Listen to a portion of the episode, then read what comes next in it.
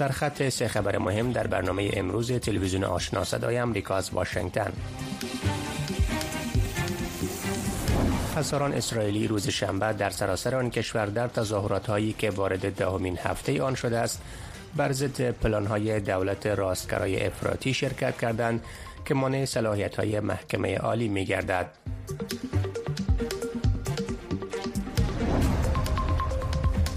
سیلاب ها به روز شنبه در غرب امریکا 1700 تن از ساکنان شهر پایاروی کالیفرنیا را متأثر ساخته است.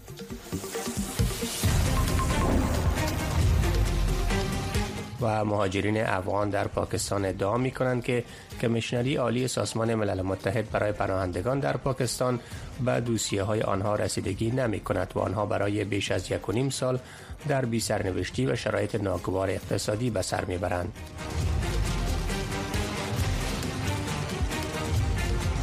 سلام بینندگان گرامی به برنامه امروز خوش آمدید. امروز یک شنبه 12 ماه مارچ سال 2023 میلادی هست. برنامه امروز به طور مستقیم از طریق وبسایت و فیسبوک تلویزیون آشنا صدای آمریکا و همچنین در رادیو روی موج متوسط 972 کیلوهرتز به نشر می‌رسد. من محمد احمدی هستم.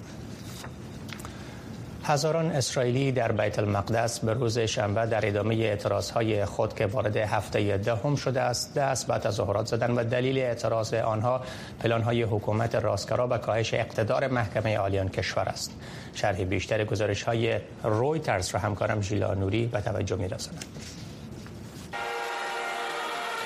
هزاران اسرائیلی در شهر بیت المقدس برای هفته دهم به اعتراضات پرداختند و در برابر قدرت طلبی حکومت بر محکمه عالی این کشور اعتراضات خود را ادامه دادند. منتقدین همچو اصلاحات قوه قضاییه را تهدید بر استقلالیت قوه قضاییه می‌دانند. بنیامین نتانیاهو صدراعظم اسرائیل می‌گوید هدف و برقراری توازن در حکومت است. او از حمایت اکثریت پارلمان و متحدین مذهبی ملیگرا برخوردار است. این اصلاحات که قرار است تصویب گردد باعث تشدید اعتراضات گردیده است. رئیس جمهور اسرائیل از حکومت خواسته است تا مذاکرات روی لایحه جنجال برانگیز را به طریق افکنده و وارد مذاکره شود. اکثر متعرضین به طرز صلح آمیز راهپیمایی می‌کردند اما برخی متعرضین از سوی پلیس دستگیر و برخی زخمی شده بودند به خاطر که برای تردد موترها ممانعت ایجاد نموده بودند. من به خاطر اینجا برای اعتراض آمدم تا در برابر دیکتاتوری که آن را قانون اصلاحات قوایی قضایی لقب دادند صدای خود را بلند کنم. این اصلاحات قضایی نیست. می‌خواهم در اسرائیل دموکراسی برای فرزندان و نواسه هایم باشد. به خاطر که اسرائیل یک کشور دموکراسی است و باید همین طور باقی بماند.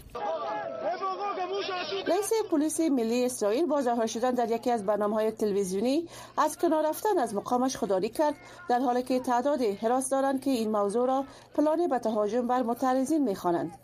معترضین می‌گویند که تغییرات ممکن. کنترل دموکراسی و توازن بر وزارت خانه ها را توسط محاکم به خطر افکند و نتانیاهو را متهم به فرار از قضیه قانونی علیه او می‌کند. در حالی که او به دلیل اتهامات فساد در حال محاکمه شدن است. من به خاطر اعتراضات در برابر اصلاحات قانون آمدم ما در برابر صدر اعظم اسرائیل که او را جنایتکار خطاب می‌کنیم و اکنون می‌خواهد به یک دیکتاتور مبدل شود اعتراض می‌کنیم. اما ما دیکتاتور نمی‌خواهیم. ما باز هم دموکراسی می‌خواهیم. پارلمان اسرائیل اولین لایحه پیشنهادی حکومت را برای اصلاحات قوای قضاییه با رای 63 موافق در برابر 47 مخالف و تاریخ 21 فوریه تصویب نمود. حکومت می‌گوید اصلاحات به خاطر طراحی شده است تا جلو قدرت محکمه عالی را در مسائل سیاسی بگیرد.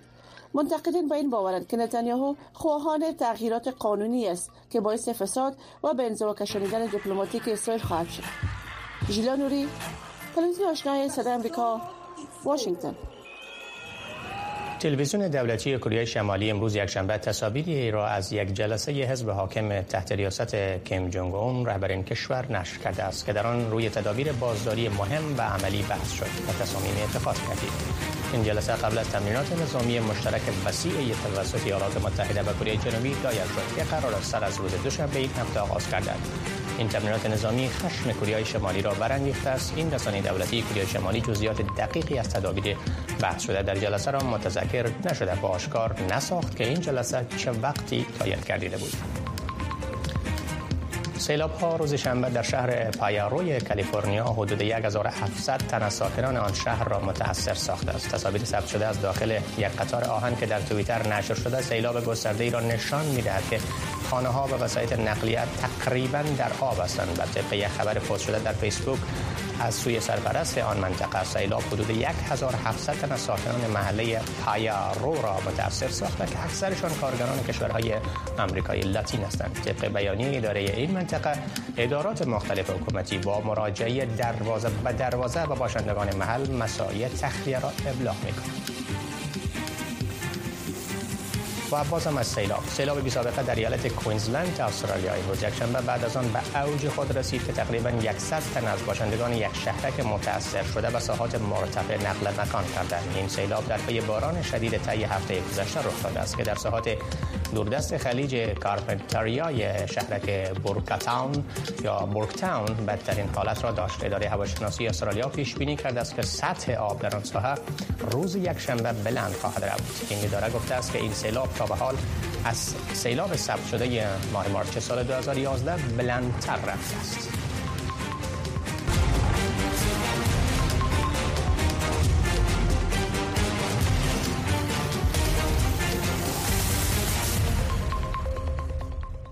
سازمان ملل متحد روز جمعه نگرانی خود را در مورد فعالیت گروه های شورشی خارجی ابراز کرد ولی حکومت طالبان نگرانی های امنیتی را رد می کند در همین حال حکومت پاکستان هشدار داده است که اگر به تهدیدهای ناشی از افغانستان رسیدگی صورت نگیرد می تواند دامنگیر دیگر کشور شود. در ادامه نارمی های اخیر در افغانستان ولایت بلخ روزهای اخیر شاهد دو انفجار بوده است.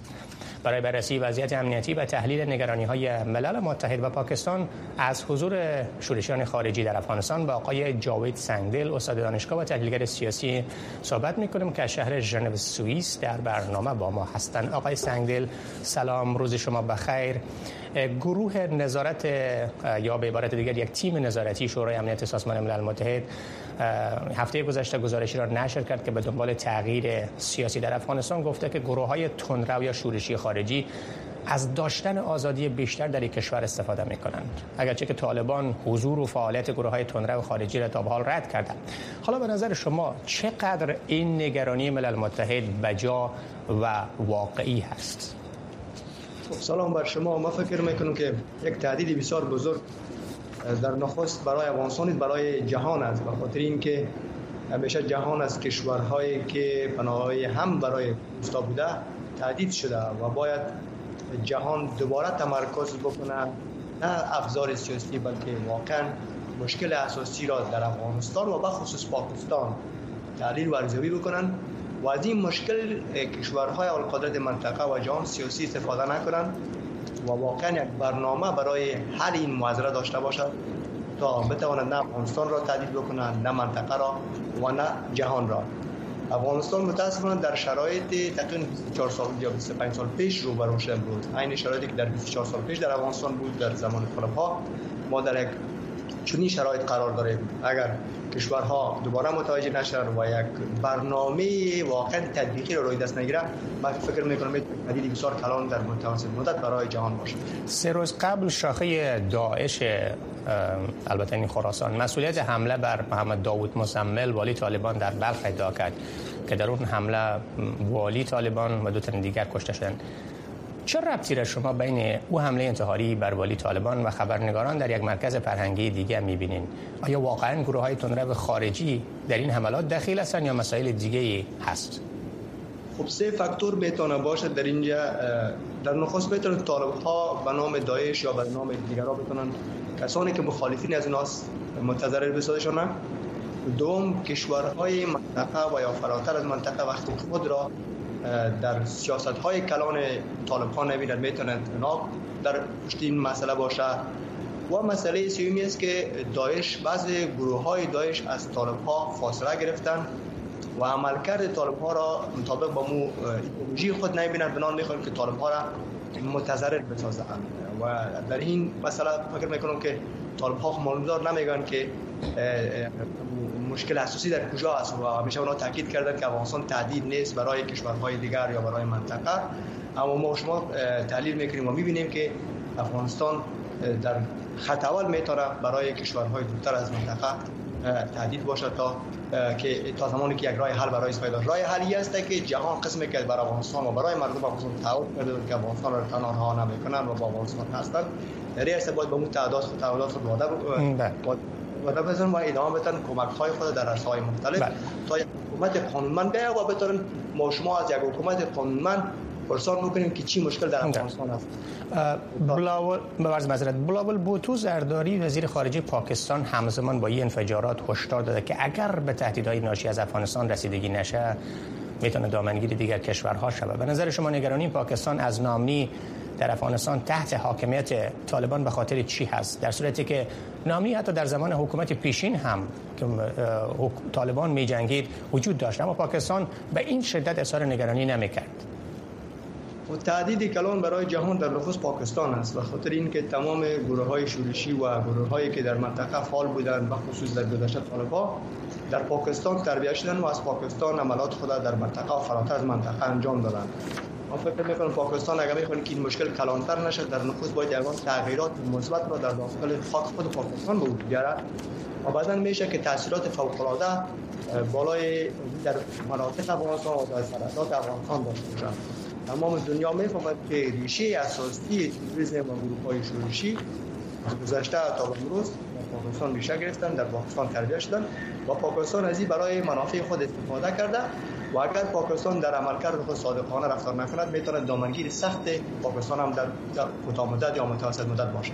تشکر از شما آقای جاوید سنگدل تحلیلگر سیاسی و همچنین استاد دانشگاه در ژنو که تحلیل خود در مورد نگرانی ملل متحد و کشورهای منطقه در ارتباط به حضور شورشیان خارجی در افغانستان بیان داشتید. روزتان بخیر. کامیاب باشید. مقامات ارشد چین با اظهارات غیر معمول عمدی و ای که با سخنان وزیر خارجه جدید این کشور همراه بوده است ایالات متحده آمریکا را در جریان این هفته هدف قرار داد سندی سین خبرنگار صدای آمریکا گزارش می‌دهد که ایالات متحده از سوی دیگر تاکید کرده است که این کشور به دنبال مهار چین نیست و هیچ تغییری در روابط خود با آن کشور را نمی بیند. این گزارش را رویا زمانی به توجه می. شی جین پینگ رئیس جمهور چین در جلسه عمومی کنگره ملی مردم آن کشور ایالات متحده آمریکا را به خاطر آنچه که او مهار محاصره و سرکوب چین نامید به شدت کوبید و در این حال از سکتور خصوصی در کشورش خواست تا نوآوری و توسعه اقتصادی را افزایش دهد. اما کینگونگ وزیر خارجه جدید چین در یک کنفرانس خبری روز سه شنبه حتی جدی تر بود. اگر ایالات متحده این اقدامات را متوقف نسازد و اما ادامه پیمودن مسیر اشتباه را سرعت بخشد هیچ مانعی نمی‌تواند که از رویارویی و تنش جلوگیری کند و مطمئنا درگیری و تنش به میان خواهد آمد. حکومت بایدن اغلب اوقات گفته است که به دنبال راه حل هایی است که رقابت با چین به درگیری با آن کشور منجر نشود. این در مورد مهار کردن هیچ کشور در جهان نیست. این در مورد مهار کردن چین نیست. این امر در مورد حمایت از نظم مبتنی بر قوانین است. قوانینی که کشورهای مانند چین آن را امضا کرده اند. شمار از کارشناسان به شمول مایکل مازا می‌گویند که اظهارات تند مقامات چینایی در جریان این هفته غیر معمول بوده است. گفته هایی که از سوی وزیر خارجه و هم از سوی شی جین پینگ رهبر چین شنیده شد کاملا قابل ملاحظه است. زیرا رهبران چین هنگام صحبت در مورد ایالات متحده تمایل دارند که مستقیم صحبت نکنند آنها احتمالا این نظرات را به طور خصوصی خواهند داشت اما زمانی که صحبت می کنند محتاطانه و دقیق سخن می بیلزیک آگاه مسائل سیاسی آسیا و حوزه اقیانوس به صدای امریکا گفت که برای بیجینگ و واشنگتن آسان نخواهد بود تا زمینه های مشترک را دریابند زیرا هر دو یکدیگر را به عنوان یک تهدید برای خود می‌بینند. چین می‌گوید که ما حاضریم تا زمانی که شما تلاش برای مهار ما نکنید روابط خوبی با شما داشته باشیم. ایالات متحده می‌گوید ما برای داشتن روابط خوب با شما تا زمان مایلیم که شما تهدیدی برای امنیت ملی ما نباشید. اما ایالات متحده امریکا تهدید به امنیت ملی این کشور توسط چین را درک می کند و چین هم این را می بیند که ایالات متحده قصد مهار آن کشور را دارد. اما یک نماینده جمهوری خواه مجلس نمایندگان در جلسه روز پنجشنبه بیان داشت که ایالات متحده در حال حاضر خود را در کشمکش با مردم چین نه بلکه با حزب کمونیست آن کشور می بیند.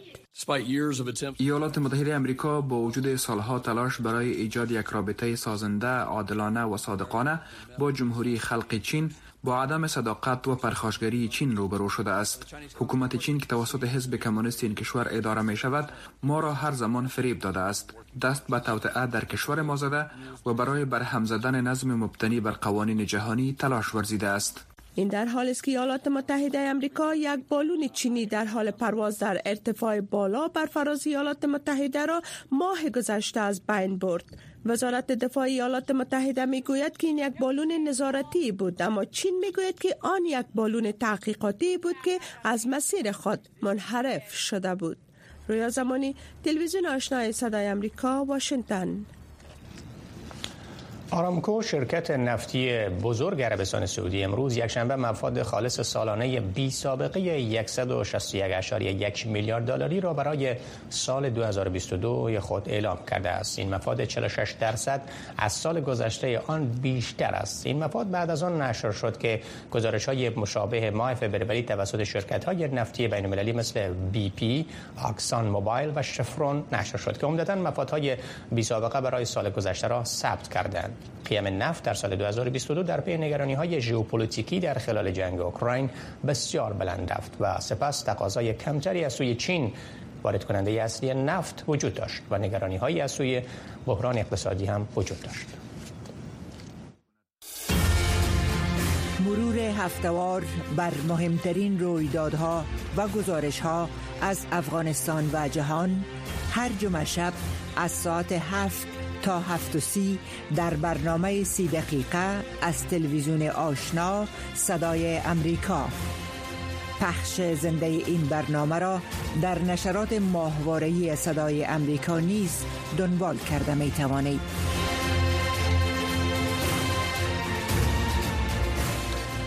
برخی افغان امریکایی ما دوستی های آنها رسیدگی نمی کند و آنها برای بیش از یک و نیم سال در بی سرنوشتی و شرایط ناگوار اقتصادی در آن کشور به سر می‌برند همکارم نجیب خلیل در این مورد گزارشی را تهیه کرده است مهاجرین افغان مقیم اسلام آباد از مدت به این سو در مقابل دفتر شارپ که مسئولیت ارجای مهاجرین به دفتر کمیشنری عالی ملل متحد برای پناهندگان یا UNHCR را دارد دست به اعتراض زده خواهان رسیدگی به دوسیه هایشان از سوی سازمان ملل شدند. امیدوارم صدای مرا بشنوید. من یکی از مادرانی هستم که به مدت دو هفته شب و روز اینجا آمدم. یکی از اطفالم بر اثر انفجار بم در کابل زخمی شده و کودک دیگرم که هفت سال دارد تکلیف آتیسم دارد که نیاز به تداوی دارد. اعتراض کنندگان که شامل فعالین مدنی، خبرنگاران و سارنوالان همراه با خانواده هایشان هستند می‌گویند که از مدت یک سال به این طرف در بی سرنوشتی به سر می‌برند و وضعیت ناگوار اقتصادی عاید حالشان گردیده است. هیچ بازپرسی از ماجرین نمی کنند و دمی هوای سرد اطفال مریض شدن و بعض خانم از بعض خانواده است که به وضاحت هستند و می‌خواهند به خاطر که چون اقتصادشان ضعیف است هیچ درآمد ندارن بیکاری است در شهر اسلام آباد اینا می‌خواهند کرده های خود سودا کنند در جمع مهاجرین کودکان افغان نیز از بی سرنوشتی و عدم دسترسی به درس و تحصیل شاکی هستند. ما از وقتی که از کابل آمدیم ما روز طالب نمیمان به در سال که اینجا آمدیم ما را سختی بسیار کمک نمی‌کنن ما چند قانون هستیم ما می‌خوایم ما را ما می‌خوایم که بسیار بر ما کمک کنه طالبان ما در افغانستان آمدن درس تحصیل ما نرسه. ما می‌خوایم بر ما بسیار کمک کنه به ما از این کشور ما را انتقال کنه دیگه کشور ما می‌خوایم آینده خود جور کنیم. کل فامیلای ما به سرنوشت و جای هستن. خود ما همچنان ما خودم درس نخوانم. خوار بیادر ما بی درس بی تحصیل ما خوار مادر پدر ما در افغانستان است. ما می‌خوایم اون بسیار بر همگی ما کمک کنه مهاجرین ادعا دارند که با مهاجر شدن به پاکستان از هیچ نوع امتیاز و حقی برخوردار نیستند. اسمی که معلوم است وقتی که مهاجر باشی هیچ چیزی نداری. نه هویت درست داری نه ویزه درست داری نه حق تحصیل داری نه حق خوردن نه پوشاک هیچ چیزی نداری. و ما یگانه خواستار ما از یونیسیار همی است که باید سرنوشت ما را معلوم کنه. بیشتر از یک نیم سال میشه که ما به سرنوشت در اینجا آمدیم به اساس گزارش کمیشنری عالی سازمان ملل در حال حاضر افغانها بزرگترین رقم مهاجرین پناهجویان و بجا شدگان داخلی را تشکیل می دهند. فلیپو گرانده کمیشنر عالی سازمان ملل متحد در امور پناهندگان می‌گوید که از جمله 103 میلیون انسان که امروز در جهان مجبور به ترک خانه هایشان می شوند شهروندان افغان بیشترین رقم را در جهان تشکیل می دهند رقمی که به گفته گرانده پس از جنگ جهانی دوم بی سابقه بوده است. نجیبه خلیل تلویزیون آشنا صدای امریکا واشنگتن. شماری از زنان جوان در افغانستان برای نجات جان مادران و فرزندانشان در مناطق دوردست که مراکز صحی در آن کمتر است در برنامه خاص آموزش می‌بینند. زنان در برنامه آموزش قابلگی که توسط کمیشنری عالی ملل متحد برای پناهجویان و اداره خدمات اجتماعی وطن برگزار شده شرکت می‌کنند. در این باره گزارشی را می‌بینیم. بانوی جوان در یکی از قریه های ولایت بامیان در برنامه دو ساله آموزش قابلگی که از ماه اپریل سال گذشته آغاز شده است ثبت نام کردند. آنها در شفاخانه این ولایت درس می‌خوانند و مهارت های اولیه و مهم را برای کمک برای زنان در زمان ولادت در قریه هایشان یاد می‌گیرند. مشکلات در دهات و خصوص در اطراف است خیلی زیاد می باشند تا اینجا ما آمدیم که تا به طور مسلکی پروگرام پیش ببریم. ان که یک قابلی خوب شویم که در جامعه خود خدمت کنیم چون مناطق ها که است از مرکز بامیان دور است از هر مرکز صحی دور است که در اونجا مرگ و میر مادران به خصوص نوزادان خیلی زیاد می باشد کمیشنری عالی ملل متحد برای پناهجویان امیدوار است که این برنامه را در مناطق همسایه به شمول ولایت دایکندی اضافه کند. وقتی جاده ها مسدودن معلوم دار که وسیله نقلیه وجود ندارد و مردم با قاطر مریضان خود را به مراکز کلینیک ها می رسانند ولی برخی اوقات حتی همین فرصت هم برابر نمی شود به همین خاطر این شاگردان می توانند در هر قریه و منطقه برای ولادت کمک کنند. در بامیان در شفاخانه اصلی این ولایت شاگردان بخش قابلگی در کنار کارمندان مراقبت های صحی را یاد می‌گیرند تا زنان حامله را راهنمایی کنند ولادت بدهند و برای آنها مراقبت های پس از ولادت را فراهم سازند. در کلینیک کوچک در این منطقه زنان انتظار مشوره با شاگردان برنامه قابلگی را دارند. و آنها زنان را به کمک کتاب تصویری در مورد مراحل ولادت آموزش می دهند دو کارمند صحی از این پروسه نظارت می کنند خب طبعا جامعه از ما در قسمت صحت با مشکلات زیادی روبرو است و روزانه ما مشاهد از هستیم که مثلا در این عصر زمان مادرای از ما در اثر به توجهی یا مثلا درست مراقبت نمی‌شد در زمان ولادت از بین مره و باعث شد به من انگیزه ایجاد شد که من بیم درس بخونم در کلاس مدوایفری تا بتونم که در اونها مستر خدمت باشم. زنان باردار که با خطر بیشتر مواجه هستند در بخش نسایی شفاخانه بستری می شود در اینجا یکی از شاگردان برنامه قابلگی فشار خون این زن عامله را می‌گیرد که از عفونت رنج می‌برد. و همچنان به یک زن دیگر که شش ساعت قبل دخترش به دنیا آمده است رسیدگی می‌کند. اما تمام زنان خوشبخت نیستند. در قریه دره فولادی ولایت بامیان که با کوههای پر از برف پوشانیده شده است عزیزه رحیمی در مرگ نوزادش سوگوار است که به دلیل عدم موجودیت مراقبت های صحی و زایمان خطرناک هلاک شد. خانه خیلی بلنده. یک دو ساعت یک نیم ساعت راه می در پیاده. تا اون مزنج دیگه رای موتر نداشت. تا خیز خیز ده اما آدم قد شوار خود و زینی من دخانه می خسور خمارم همین که آمدم تا بی بیچاره سی سو خیز خیز کت که موتر پیدا کنی امبولانس زنگ ده دمی زیاگل زنگ زدم که چی مو دیگه اینی مشکل داره. که وقت تا سو سو چی دیگه از دیست رفت. شمار شاگردان بخش قابلگی با فرزندانشان با وجود مشکلات در رفت آمد و فشارهای مالی با تعیین نمودن فاصله طولانی از خانهشان برای آموزش در این برنامه میآیند. زنان به دلیل مشکلات موجود باز هم تلاش دارند تا معلومات درست را برای حمایت از زایمان مسئول فرا گیرند جیلا نوری تلویزیون آشنای صدا امریکا واشنگتن. یازدهمین جشنواره شبی با بودا روز شنبه در خانه فرهنگ استکهلم در سویدن برگزار شد. برگزار کنندگان این جشنواره با نکوهش تخریب های سلسال و شهمامه به دست طالبان در بامیان خواستار توجه جدی یونسکو به های فرهنگی و تاریخی افغانستان شدند. زهرا حسینی از برگزار کنندگان این جشنواره می‌گوید نگران این است که طالبان به میراث به های فرهنگی و تاریخی افغانستان آسیب برساند. ولی آریان در این باره گزارشی را تهیه کرده است. سما در یاد بود از بودا. فرسنگ ها دور از بامیان اینجا استاکل میزبان جشنواره شبیه با بوداست یازدهمین جشنواره یاد بود از پیکره های فرو ریخته سلسال و شهمامه به دست طالبان. رقص سما بخشی از این برنامه فرهنگی و هنری است. رقص از آین های دیرینه سنتی عرفان.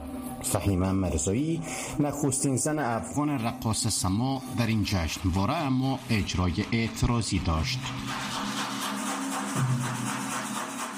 سما نوعی از مراقبه هست و, و نوعی از مدیتیشن هست. پس برای من فرق نمی‌کنه که من در کجا انجام میدم سما چه در معبد بودا باشه چه در مزار شریف باشه چه در خانه مولانا باشه و یا چی که در یکی از مکانهای دیگه مهمی هست که من مو حس مراقبه رو در هر جا پیدا کنم انجام میدم. 22 سال پیش به روز 11 مارچ 2001 طالبان تندیس های سلسال و شهمامه را فرو ریختند. رویداد غمانگیزی که تن باستانی بامیان را زخمی کرد و جهان را شوک زده ساخت. تندیس هایی که با قدمت 1500 سال از برجسته ترین میراث های فرهنگی و تاریخی افغانستان بودند. باران نشست و ما مسیحای پاک شد.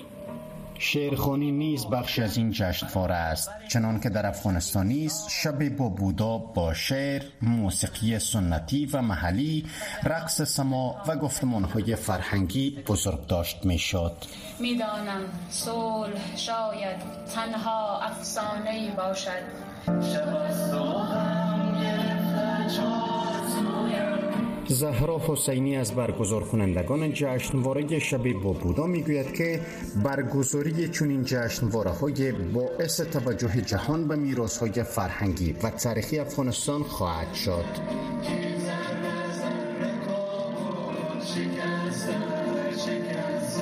هدف از برگزاری جشنواره با بودا این هست که بتانیم اهمیت میراث فرهنگی را برای عموم مردم بیان بکنیم و از طرفی هم جلوگیری بکنیم از فجایعی مثل تخریب تندیس های بودا در افغانستان توسط گروه طالبان و اینکه بیاییم و ترویج بدیم احساس مسئولیت نسبت به حفاظت از میراث فرهنگی و باستانی که در افغانستان و جای جای دنیا وجود داره در این گفتمان نیز بر ارزش های میراث های فرهنگی در افغانستان تاکید شد.